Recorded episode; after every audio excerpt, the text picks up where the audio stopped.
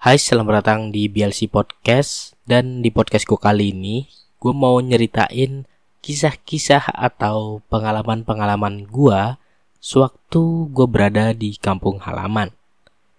Mungkin dari sebagian kalian ada yang tahu Kalau dulu gue pernah sekolah di kampung halaman. Ya buat kalian yang gak tahu nih gue kasih tahu lagi ya Dulu tuh gue pernah sekolah di kampung halaman sekitar kelas 2 SMP kalau nggak salah.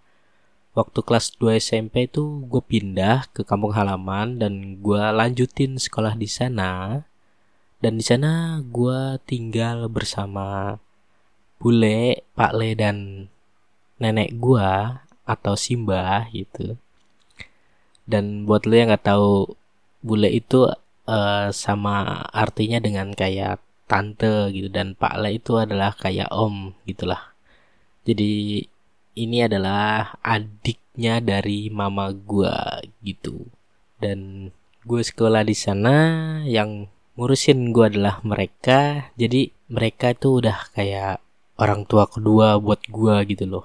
Jadi kalau ada apa-apa gua minta tolongnya ke mereka. Gua minta pendapat mereka gitu. Ya bukan berarti gue melupakan orang tua gue yang asli yang di Jakarta. Tidak tidak tidak. Gue tetap uh, kontekan gue tetap uh, kasih kabar gitu. Coba kan ya nggak bisa sering-sering gitu kan. Karena zaman dulu tuh apa ya modelnya tuh masih pulsa gitu. Makanya pulsa mahal kalau sekarang kan bisa pakai WA, bisa pokoknya banyak. Kalau sekarang kan udah gampang gitu. Kalau dulu kan makanya pulsa dan tarifnya pun mahal gitu. Apalagi tahu sendiri kalau orang tua gue kan pakainya kartunya kartu-kartu Telkomsel gitu kan. Kartu yang ibaratnya dulu tuh Telkomsel tuh dibilang kartunya orang tua. kalau karena apa? Karena Telkomsel tuh biayanya cukup mahal gitu kalau zaman dulu.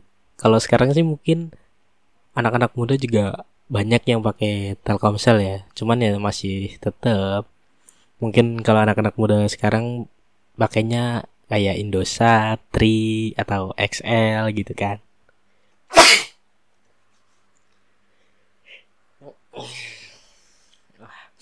Ah anjing ya.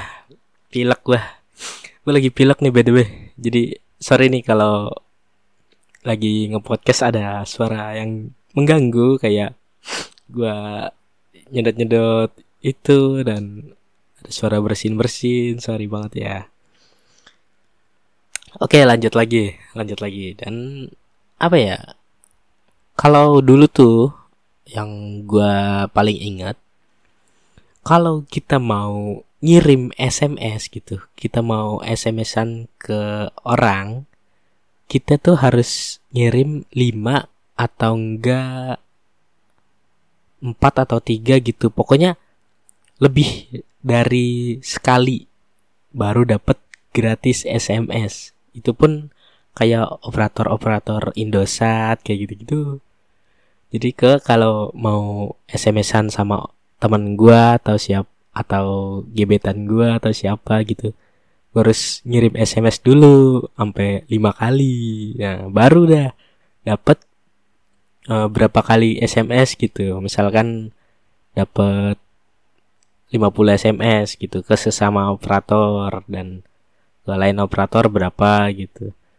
Kayak gitu pokoknya dulu tuh gue harus SMS segitu banyaknya baru bisa dapat gratisan. Kadang yang gue sayang adalah kalau misalkan gue nih cuman pengen SMS sekali atau dua kali doang gitu karena gue lagi sibuk.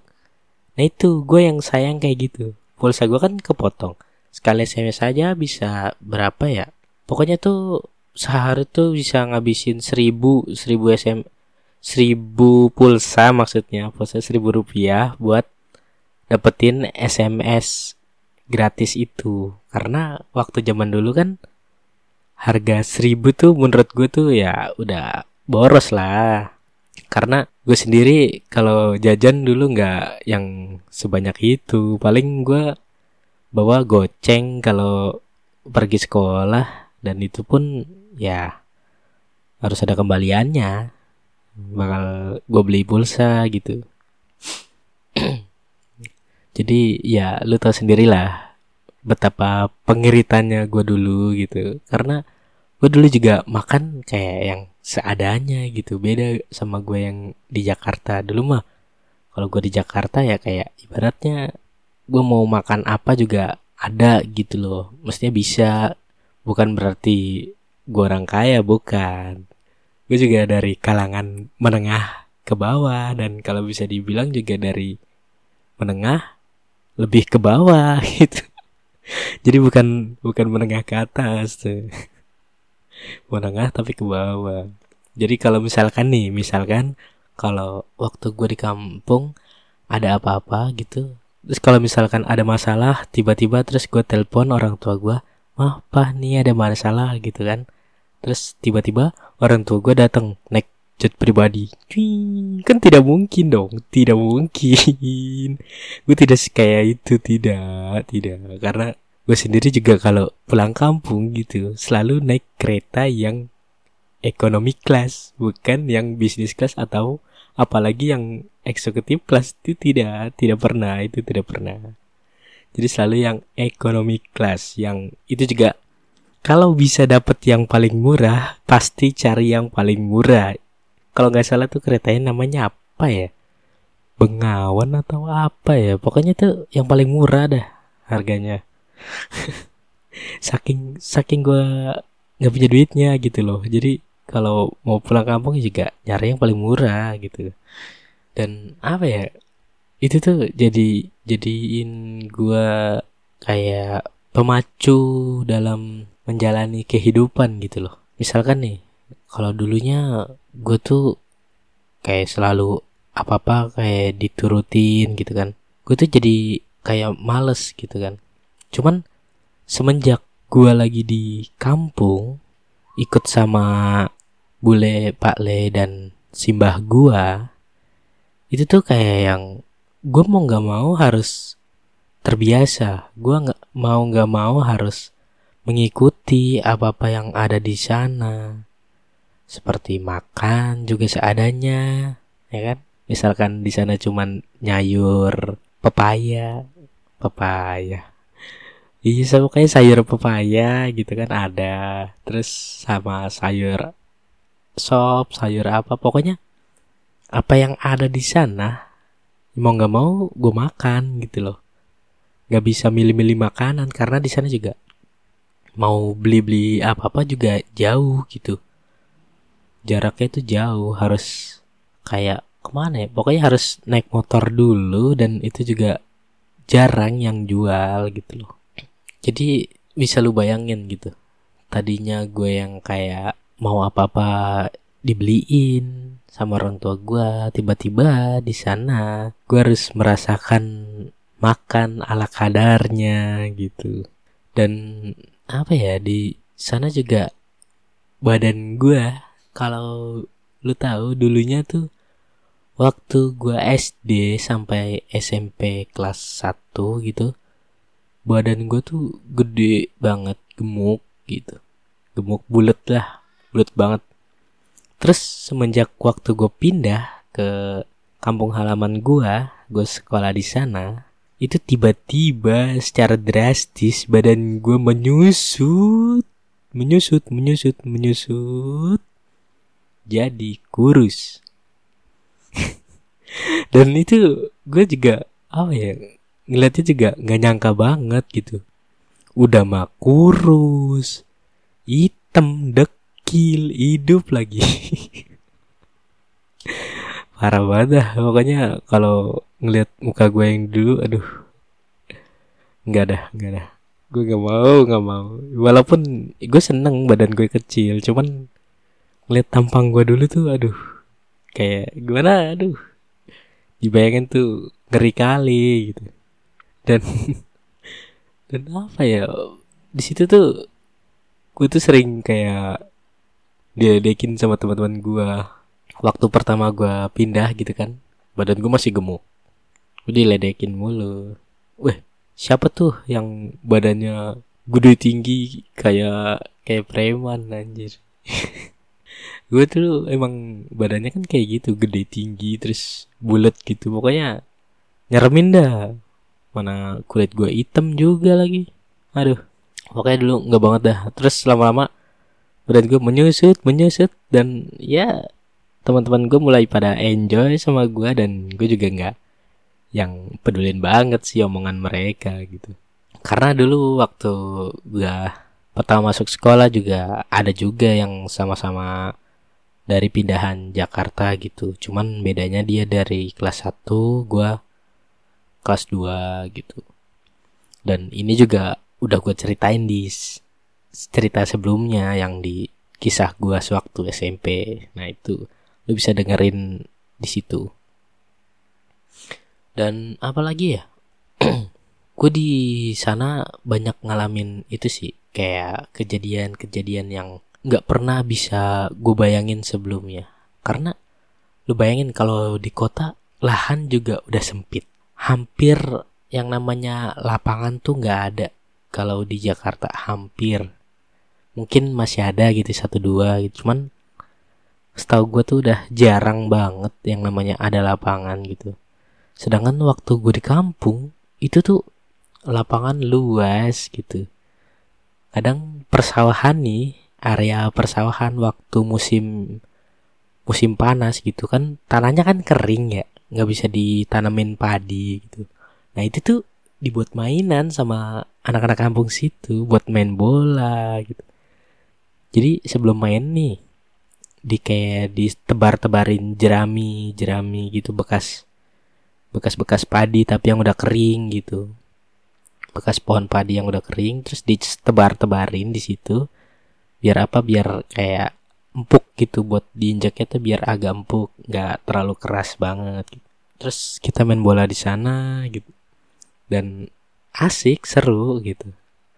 Dan gue nggak bakalan pernah dapetin itu kalau gue nggak pindah ke kampung halaman gue dan yang gue inget lagi adalah waktu itu juga gue pernah main yang namanya layangan yang bentuknya tuh gimana ya bentuknya tuh gede.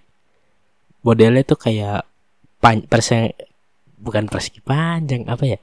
Pokoknya modelnya tuh panjang panjangnya ke samping terus di bawahnya kayak ada lekukan-lekukan gitu. Pokoknya keren dah layangannya. Terus ter kalau diterbangin nih dia bisa bunyi layangannya.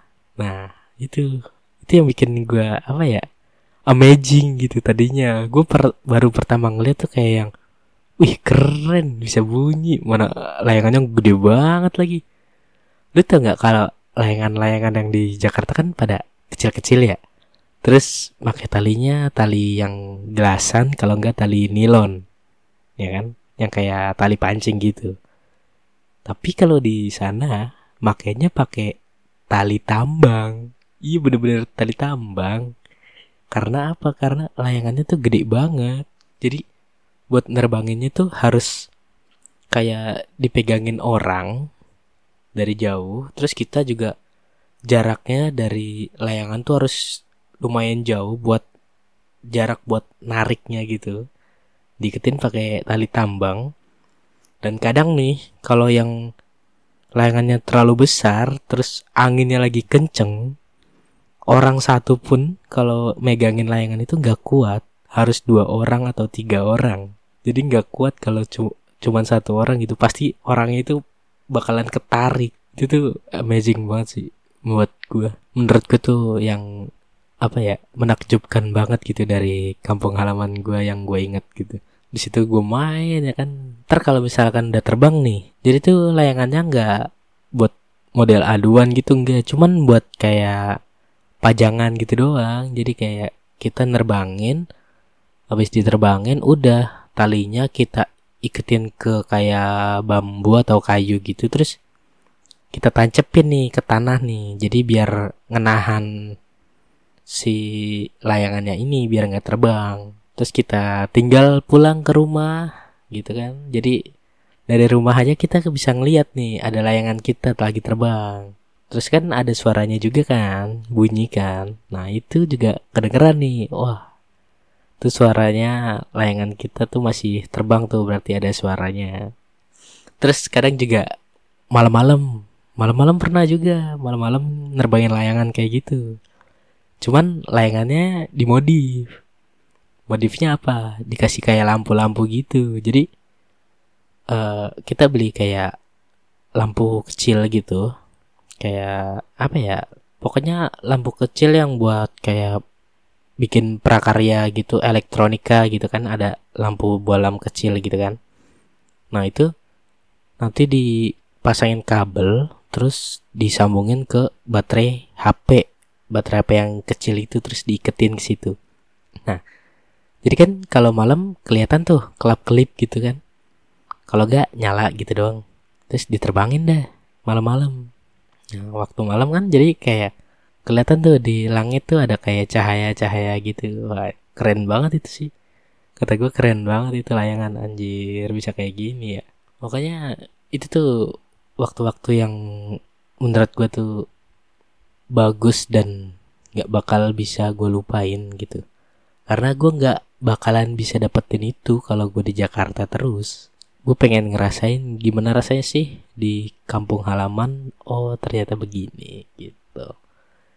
Dan apa ya gue juga sempet ngalamin yang namanya kejadian-kejadian horor atau mistis waktu gue di kampung. Kalau lu yang mau tahu gue sebenarnya udah pernah cerita waktu di podcastnya Do You See What I See gue udah pernah ngirimin cerita gue judulnya kalau nggak salah itu adalah COD c.o.d. Nah, gitu. Terus uh, pembuatnya adalah Bang Lana 10. Lu coba cari, gue lupa itu episode keberapa. Pokoknya ya udah lumayan lama sih gue ngirimin cerita gue ke sana gitu. Pokoknya kalau lu mau tahu juga lu cari aja di situ. Di situ udah dieditin uh, podcast gue terus kayak lebih keren dan lebih serem gitu loh. Cuman di sini gue mau ceritain lagi. Jadi waktu dulu tuh eh, zaman zamannya gue apa ya SMK kalau nggak salah SMA SMK kelas 1 kalau nggak kelas 2 gitu gue lupa uh, gue tuh kayak pengen punya HP kan. Waktu itu masih zamannya BB nah waktu zamannya BB ini kan lagi booming boomingnya nih. Lagi orang-orang pada tergila-gila. Nah gue tuh kepengen punya HP itu. Dan karena gue nggak mampu buat beli yang baru akhirnya gue memutuskan buat beli yang second second nah gue carilah di kayak grup-grup Facebook gitu. Kan ada tuh yang suka jual beli HP gitu barang-barang bekas. Nah, gue cari di situ. Dan akhirnya gue dapet lah uh, satu orang nih yang mau ngejual HP BlackBerry apa ya waktu itu ya? Pokoknya yang BlackBerry-nya yang masih murah dah bukan BlackBerry yang bagus gitu yang ini juga masih yang apa ya pokoknya yang paling murah dah BlackBerry-nya. Yang penting waktu itu kan gue mikirnya ah yang penting gue punya BB gitu. Gue chat ya gue gue chat nih orangnya nih. Uh, Pak gimana? Bisa COD kan?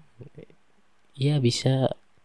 Bapak bisanya jam berapa? Gue tanya kayak gitu. Loh gue tanya kayak gitu terus dia bilang mungkin nanti abis maghrib karena saya masih kerja gini sampai sore.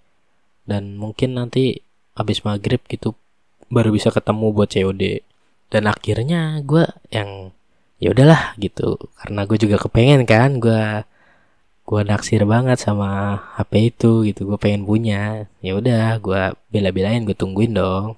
Waktu sore hari menjelang maghrib gue tanya lagi e, udah pulang belum pak? Gitu. oh iya nih bentar lagi nih. Oke gue tungguin dong. Nah waktu gue pengen COD pun tiba yaitu abis maghrib nih. Nah ini nih literally bener-bener abis maghrib jadi baru kelar azan itu tuh gue langsung keluar. Tapi waktu itu tuh gue sempetin buat sholat dulu kan cuman salahnya gue nih salahnya gue kayak sholatnya tuh jadi kayak nggak kusuk gara-gara gue udah kepengen banget udah keburu-buru pengen dapetin HP itu ya kan? Jadi udah nih gue sholat tapi gue nggak kusuk habis sholat juga gue nggak berdoa dulu nggak apa pokoknya gue langsung terus waktu gue pengen pergi gue ditanyain sama simbah gue nih Arab neng di maghrib maghrib kalau bahasa Indonesia nya mau ke mana mahir maghrib gitu. Oh, mau pergi dulu mbah. Mau COD HP mau beli HP dulu mengambil HP gitu. Orang masih maghrib juga. Kenapa gak ntar aja? Orang udah janjian sama orangnya ntar itu nggak jadi dapat HP-nya malah gitu. Mbah gue udah sebenarnya ngelarang gitu kan. Ngelarang gue buat pergi cuman guanya tetap nekat nih. Gue tetap nekat. Mau pergi. Akhirnya ya udahlah. Gue apa? Gue tetap nekat pergi dan lo tau nggak uh, kampung gue tuh rumah nenek gue maksudnya rumah simbah gue ini di sebelah baratnya itu kan kayak persawahan gitu ya. Kalau orang Jawa bilang tuh kayak bula. Bula tuh kayak persawahan yang luas gitu jadi udah nggak ada penduduk rumah lagi. Belakangnya tuh sawah semua gitu. Dan sebelum sawahan itu ada kayak pohon-pohon mahoni pohon-pohon mangga pokoknya pohon-pohon kayak gitu deh. Dan ada juga pohon-pohon bambu gitu kan. Nah waktu gue pengen ketemuan COD sama orang yang ngejual HP ini jalan buat menuju ke sana ke lokasi COD gue ini adalah ngelewatin jalan-jalan itu, jalan-jalan yang ada pohon-pohon mahoninya, ada pohon mangganya, ada pohon bambunya itu. Nah, di situ perasaan gue udah sedikit gimana ya? Rasanya tuh kayak yang nggak enak banget, bener sumpah nggak enak banget. Sebenarnya tuh ada jalan lain nggak lewat situ, cuman kayak jaraknya tuh agak lebih jauh. Jadi kayak kita harus muterin uh, desa tetangga dulu. Nah buat nyampe ke jalur utamanya. Kalau misalkan kita lewat belakang itu kan belakang maksudnya tuh barat dari rumah gue ini kita kayak cuman belok kiri belok kanan langsung lurus aja. Kalau gue lewat jalan satunya gue tuh kayak harus belok ke kanan ke kiri ke kiri lagi dan itu juga harus muterin dulu muterin kayak desa lain gitu. Dan itu bakal memakan waktu lama gitu dong. Sementara gue udah janjian sama orangnya gue nggak enak. Gue takut orangnya terlalu nungguin lama gitu kan. Karena gue juga bukan tipe orang yang kayak enakan gitu loh. Jadi gue kayak orangnya tuh kayak nggak enakan banget. Orangnya kayak gitu. Jadi kalau orangnya nanti nungguin kelamaan gue kagak enak sendiri rasanya. Jadi gue mikir lah ya udahlah gue pakai jalan cepatnya aja gitu kan. Daripada gue muter ke sana jadi lebih lama dan gue pakai jalan cepat. Dan di situ perasaan gue udah nggak enak. Dan setelah gue hampir mau memasuki batas desa antara desa gue dengan desa tetangga di situ kan kayak ada pohon apa ya namanya ya kalau orang Jawa bilang tuh namanya pohon tetean. Nah, dia tuh jadi bentuknya tuh kayak pohon tapi menyerupai kayak pagar gitu. Jadi tahu kan lo yang pagar dari pohon gitu? Yang yang apa warnanya hijau yang kayak gitu-gitulah. Pokoknya kalau lo nggak tahu caranya di Google pohon tetean tuh kayak gimana gitu. Pasti ketemu.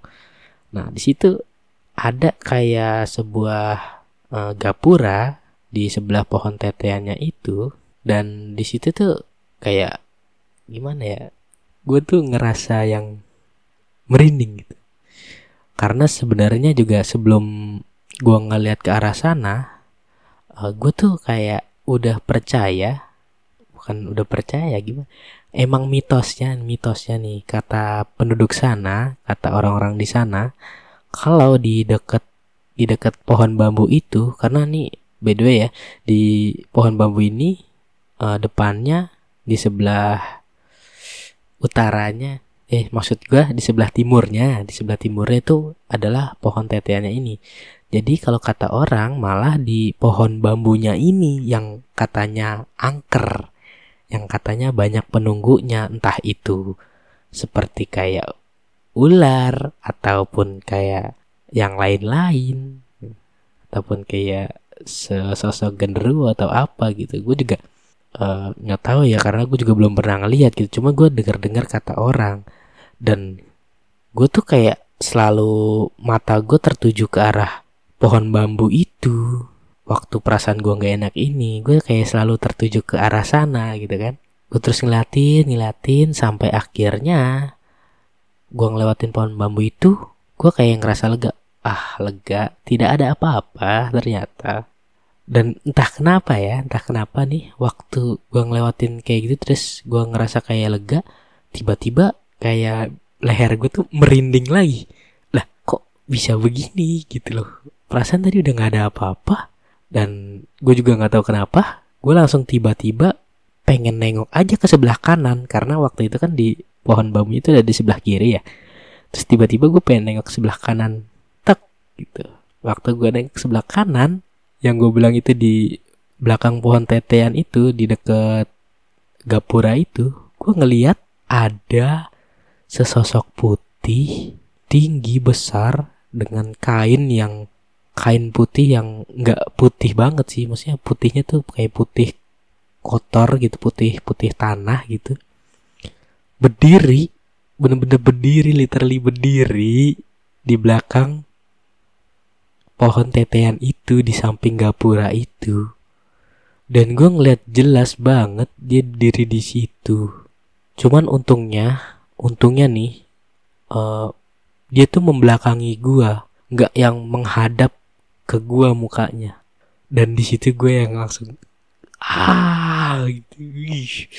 Gue langsung kayak yang tancap gas motor motor gue padahal di situ tuh di batas desa itu tuh jalanannya rusak parah cuman batu-batu kerikil-kerikil doang. Kalau lu tahu jalanan juga pada bolong-bolong gitu.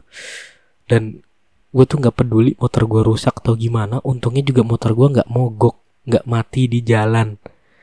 Cuman emang sempet kayak motor gue kayak rada ngadat gitu dit gitu berebet berebet gitu lah kalau kata orang bengkel mah jadi kayak kayak gitu kayak nyendat nyendat gitulah. Terus tapi gue nggak peduli tuh. Gue langsung gue tancap gas aja dan gue nggak mau ngeliatin ke arah situ lagi. Gue pokoknya gue ngeliatin lurus dong lurus sambil merem lurus merem merem melek merem melek gitu gitu terus gue sampai akhirnya gue ngelewatin area itu dan gue pergi jauh dari situ baru gue bisa yang namanya agak sedikit tenang gitu. Aduh ya Allah di situ tuh gue bener-bener dah uh, yang namanya pertama kalinya gue ngelihat ngelihat-ngelihat hal-hal yang mistis kayak gitu gitu loh. Dan awalnya tuh emang gue kayak yang masih agak ragu dan gak percaya gitu kan sama omongan orang-orang di sekitar situ. Cuman semenjak gue ngeliat kayak gitu dan ah itu tuh bener-bener aduh apa banget sih gue itu bener-bener gue kayak yang langsung percaya kalau ternyata mereka tuh ada gitu loh ada di sekitar kita. Dan di situ gue yang kayak ngerasa bersalah juga akhirnya kan.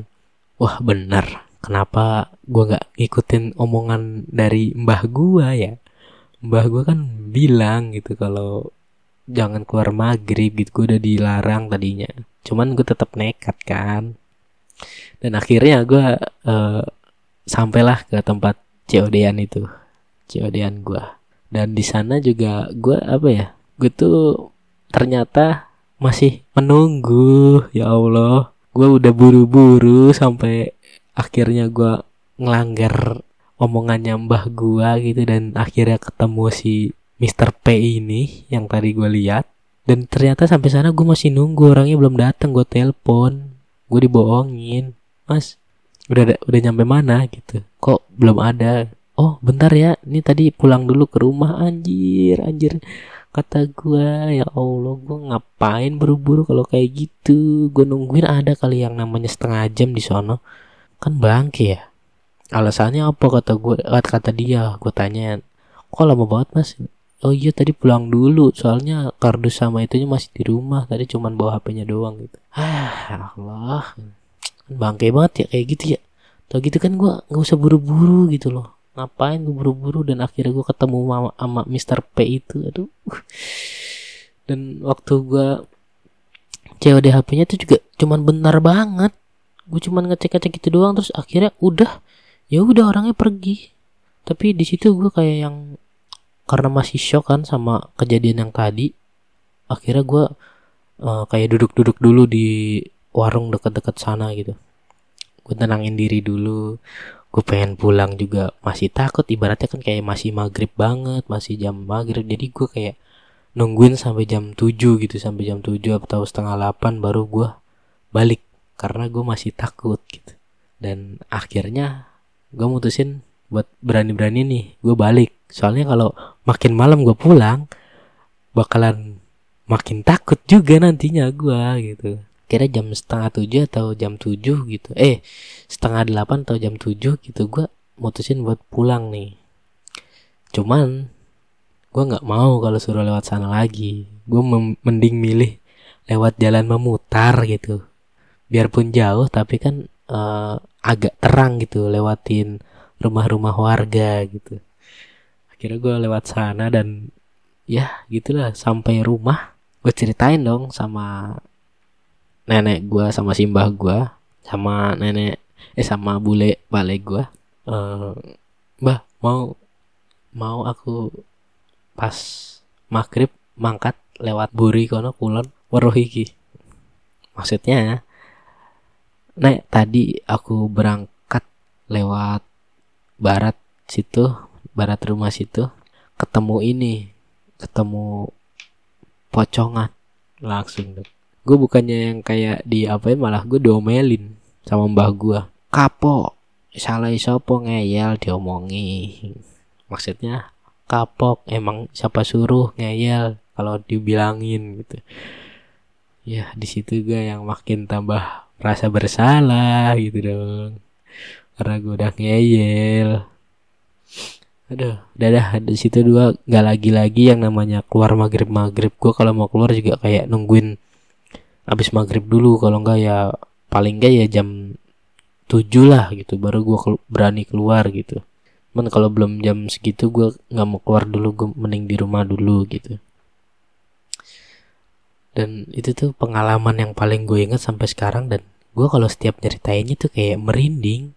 Dan itu juga yang gue pernah ceritain ke podcastnya di Siwat Aisy kan. Dan di situ juga banyak yang komen ya kalau gue nggak salah banyak yang komen kalau dia tuh pada bilang gini emang bener mas kalau maghrib maghrib tuh nggak boleh keluar. Karena bukannya mitos itu itu emang kenyataan kalau maghrib tuh nggak boleh keluar. Dan di situ gue makin mikir oh iya ya emang bener gitu emang gue aja yang bego gitu ngapain maghrib maghrib gue keluar? gitu apalagi ini kan di kampung gitu. Kalau misalnya di kota gitu masih mending ya masih rame gitu. Banyak orang biarpun maghrib juga. Cuman ini kan di desa di kampung. Beda lah suasananya. Apalagi di sana banyak pohon-pohon gede gitu kan. Aduh udahlah nggak lagi-lagi gue kayak gitu. Akhirnya sampai sekarang alhamdulillahnya gue nggak pernah ngeliat kayak gitu-gituan lagi. Cuman waktu itu setelah setelah habis apa ya habis ngeliat kayak gitu tuh gue juga pernah uh, yang namanya ngerasain hal-hal yang aneh gitu. Walaupun gue nggak diliatin lagi ya walaupun gue nggak ditampakin lagi cuman gue kayak ngerasa ada hal-hal aneh. Kayak misalkan uh, eh, gue kan kalau malam suka duduk-duduk di teras tuh suka duduk-duduk di teras depan rumahnya mbah gue sedangkan kayak ada bangku gitu dan di sebelah baratnya rumah mbah gue tuh udah kayak lahan perkebunan gitu lahan perkebunan kosong gitu doang yang kayak ditanamin pohon-pohon singkong gitu-gitu. Dan gue kayak ngerasa ada yang ngeliatin gue gitu gue kayak ngerasa ada yang diliatin gitu. Cuman balik lagi ah bodo amat lah. Ya selama dia nggak ngeganggu gue gitu gue ya ya udah nggak ngeganggu dia juga gitu. Gue kayak ngerasa ada yang perhatiin cuman gue ya bodo amat gitu. Kayak gitu sih gue setiap kalau gue duduk di teras depan rumahnya nenek gue ini kalau malam gitu. Kalau siang sih gue nggak nggak pernah kayak ngerasa gimana gimana. Cuman kalau malam gitu karena gue kenapa sering duduk di sana? Karena gue tuh suka nyari sinyal. Iya. Karena di sana tuh susah banget yang namanya sinyal nyari sinyal tuh susah. Kalau apalagi di dalam rumah. Jadi kita harus kayak yang bener-bener keluar rumah dulu nih baru dapet sinyal. Apalagi dulu kan waktu zaman zaman sekolah biasalah uh, mau teleponan sama gebetan gitu kan. Ya kita harus keluar rumah dulu dong biar sinyalnya tuh lancar teleponnya nggak putus-putus sih kayak gitulah. Dan apa ya masih banyak lagi sih dan nih pernah juga ya dialamin sama ini bule gua. Jadi menurut bule gua nih waktu menjelang maghrib juga nih posisinya dia tuh kayak ngeliat ngeliat gua duduk di teras depan rumah simbah gua ini. Duduk di sebelah pojok itu sebelah pojok barat. Sementara bule gue tuh dari sebelah timur dari sebelah timur gitu dari pintu sebelah timur. Dia kan kayak lewat mau nutup pagar gitu kan tuh. Pagarnya pagar itu tuh kayak terbuat dari bambu-bambu gitu anyaman bambu gitu. Mau ditutup dan dia tuh kayak sekilas uh, kayak ngelihat gua gitu. Cuman gua lagi kayak posisinya diem aja. Posisinya tuh diem. Cuman duduk diem. Dan Lego tuh kayak manggil-manggil Lan Lan kok diem aja? gitu kan. Lan Lan. Terus nggak lama gue denger dong karena dia manggilnya agak kenceng gitu kan. Terus gue teriak kenapa le? Gue keluar dari arah dapur. Kenapa le? Lah kok di situ tadi yang duduk di situ siapa? Lah emang dari tadi di dalam emang nggak nggak keluar keluar lah bukannya tadi kamu di duduk di situ di teras? Pas diliatin lagi sama bule gue udah nggak ada dong. Sosok itu udah nggak ada. Yang katanya menyerupai gue itu udah nggak ada. Dan di situ gue ya jadi kayak aduh merinding lagi gue nih. Merinding lagi gue bener-bener. Sumpah bener merinding. Sekarang gue juga entertain merinding lagi nih itu tuh gue kayak ngingetin gue waktu gue ketemu sama si Mr. P ini. Aduh kok jadi keluarga gue jadi maksudnya keluarga serumah gue jadi itu sih ikut-ikutan kayak begini. Ah dan itu nggak bisa gue lupain sih pengalaman-pengalaman mistis yang pernah gue alamin waktu di kampung halaman gue tuh. Aduh pokoknya bener-bener amazing dah. Karena itu baru pertama kalinya gue kayak gitu nggak pernah selama seumur hidup gue tuh yang ngalamin kayak gitu baru sekali itu dan gue nggak mau ngalamin itu lagi untuk yang kedua kalinya atau yang ketiga kalinya atau keberapa pun itu gue nggak mau dan cukup itu satu dan terakhir gitu loh. Gue nggak mau ngalamin kayak gitu lagi karena bener-bener rasanya itu bener-bener kayak takut gue nggak bisa ngomong apa-apa waktu ketemu itu. Gue pengen teriak juga nggak bisa pengen ngomong apa nggak bisa ya udah gue cuman berusaha buat gimana caranya biar gue bisa cepet-cepet buat lari atau kabur dari tempat itu gitu loh intinya kayak gitu waktu gue ngeliat si Mr. P ini dan apa ya sekarang juga gue udah lulus dan gue udah balik lagi ke Jakarta sama orang tua gue dan gue tinggal di sini sekarang tanpa adanya kesunyian lagi jujur sih gue kayak senang sebenarnya tinggal di kampung gitu karena tempatnya tuh yang tempatnya tuh yang kayak yang sunyi tempatnya tuh yang kayak damai tenang gitu. Nggak penuh dengan keramaian gitu. Itu gue seneng banget sebenarnya karena gue juga lebih suka yang kayak gitu daripada yang di keramaian gitu. Gue kalau di keramaian tuh jujur aja gue nggak begitu suka gitu ya. Karena bikin gue kayak gimana ya kayak terasingkan gitu. Kayak gue waktu di tengah keramaian tuh kayak gue tuh ngerasa sendiri gitu. Jadi gue lebih nyaman buat ketenangan gitu. Dan gue juga bingung nih sekarang nih. Gue mau mengakhiri podcast ini dengan kata-kata apa? Ya intinya pesan-pesan dari gue ini uh, dari pengalaman yang gue alamin kalau lu mau ke mana-mana usahakan ya kalau bisa itu jangan waktu maghrib. Karena waktu maghrib itu sangat sakral sangat apa ya pokoknya tuh sangat riskan lah karena ya setahu gue ya waktu-waktu maghrib itu juga kalau sekarang nih yang udah gue baca-baca itu tuh adalah waktunya para para para para setan atau demit gitu pada berkeliaran. Jadi kalau bisa jangan keluar waktu maghrib dan kalaupun lu mau keluar karena ada urusan atau apa ya sebisa mungkin lu baca doa, lu berdoa, lu minta perlindungan pada yang maha kuasa gitu kan. Terus juga kalau misalkan nih lu dilarang atau sama orang yang lebih tua dari lu tuh lu kayak jangan jangan jangan keluar maghrib maghrib jangan begini begini ya kalau bisa lu turutin lu ikutin aja. Karena jujur itu karena mungkin gue kualat juga kali ya. Karena gue ngelawan gitu kan gue ngebandel ngeyel dan akhirnya gue diliatin lah sama begituan gitu. Jadi itu pesan-pesan dari gue ya. Dan semoga kalian juga nggak ngalamin gitu apa yang gue alamin gitu buat apalagi buat kalian yang misalkan tinggalnya ada yang di desa kayak sama kayak gue waktu dulu. Semoga kalian nggak ngalamin apa yang gue alamin karena ya siapa sih yang mau kayak gitu? Gue juga nggak mau kan. Cuman ya udahlah itu buat pengalaman hidup gue gitu. Dan sekarang gue juga percaya bahwa mereka itu sebenarnya ada.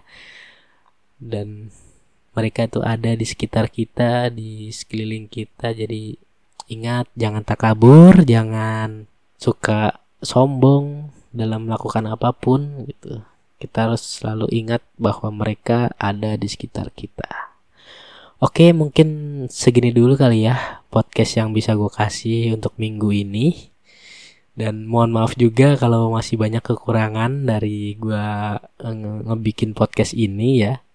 Terutama dari kenyamanan gue berbicara dari kenyamanan lingkungan waktu gue ngerekord ini karena jujur aja gue ngerekodnya bukan tengah malam ya. Gue kalau tengah malam gue agak takut juga sih buat ngerekod ini karena gue nyeritain cerita-cerita horor kayak gini ya. Gue juga jujur aja takut gitu. Jadi gue memutuskan buat nyeritain kayak waktu-waktu sore gitu.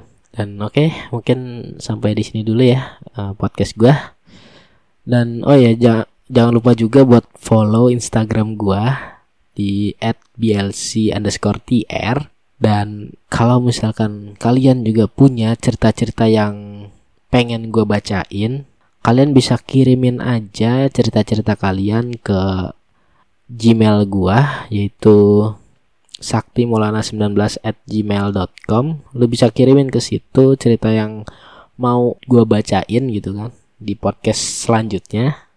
Lu bisa kirimin dan ya mungkin segini dulu kali ya kita lanjut di next podcast berikutnya oke okay? dan podcast ini gue bakal beri judul kisah misteri di kampung halaman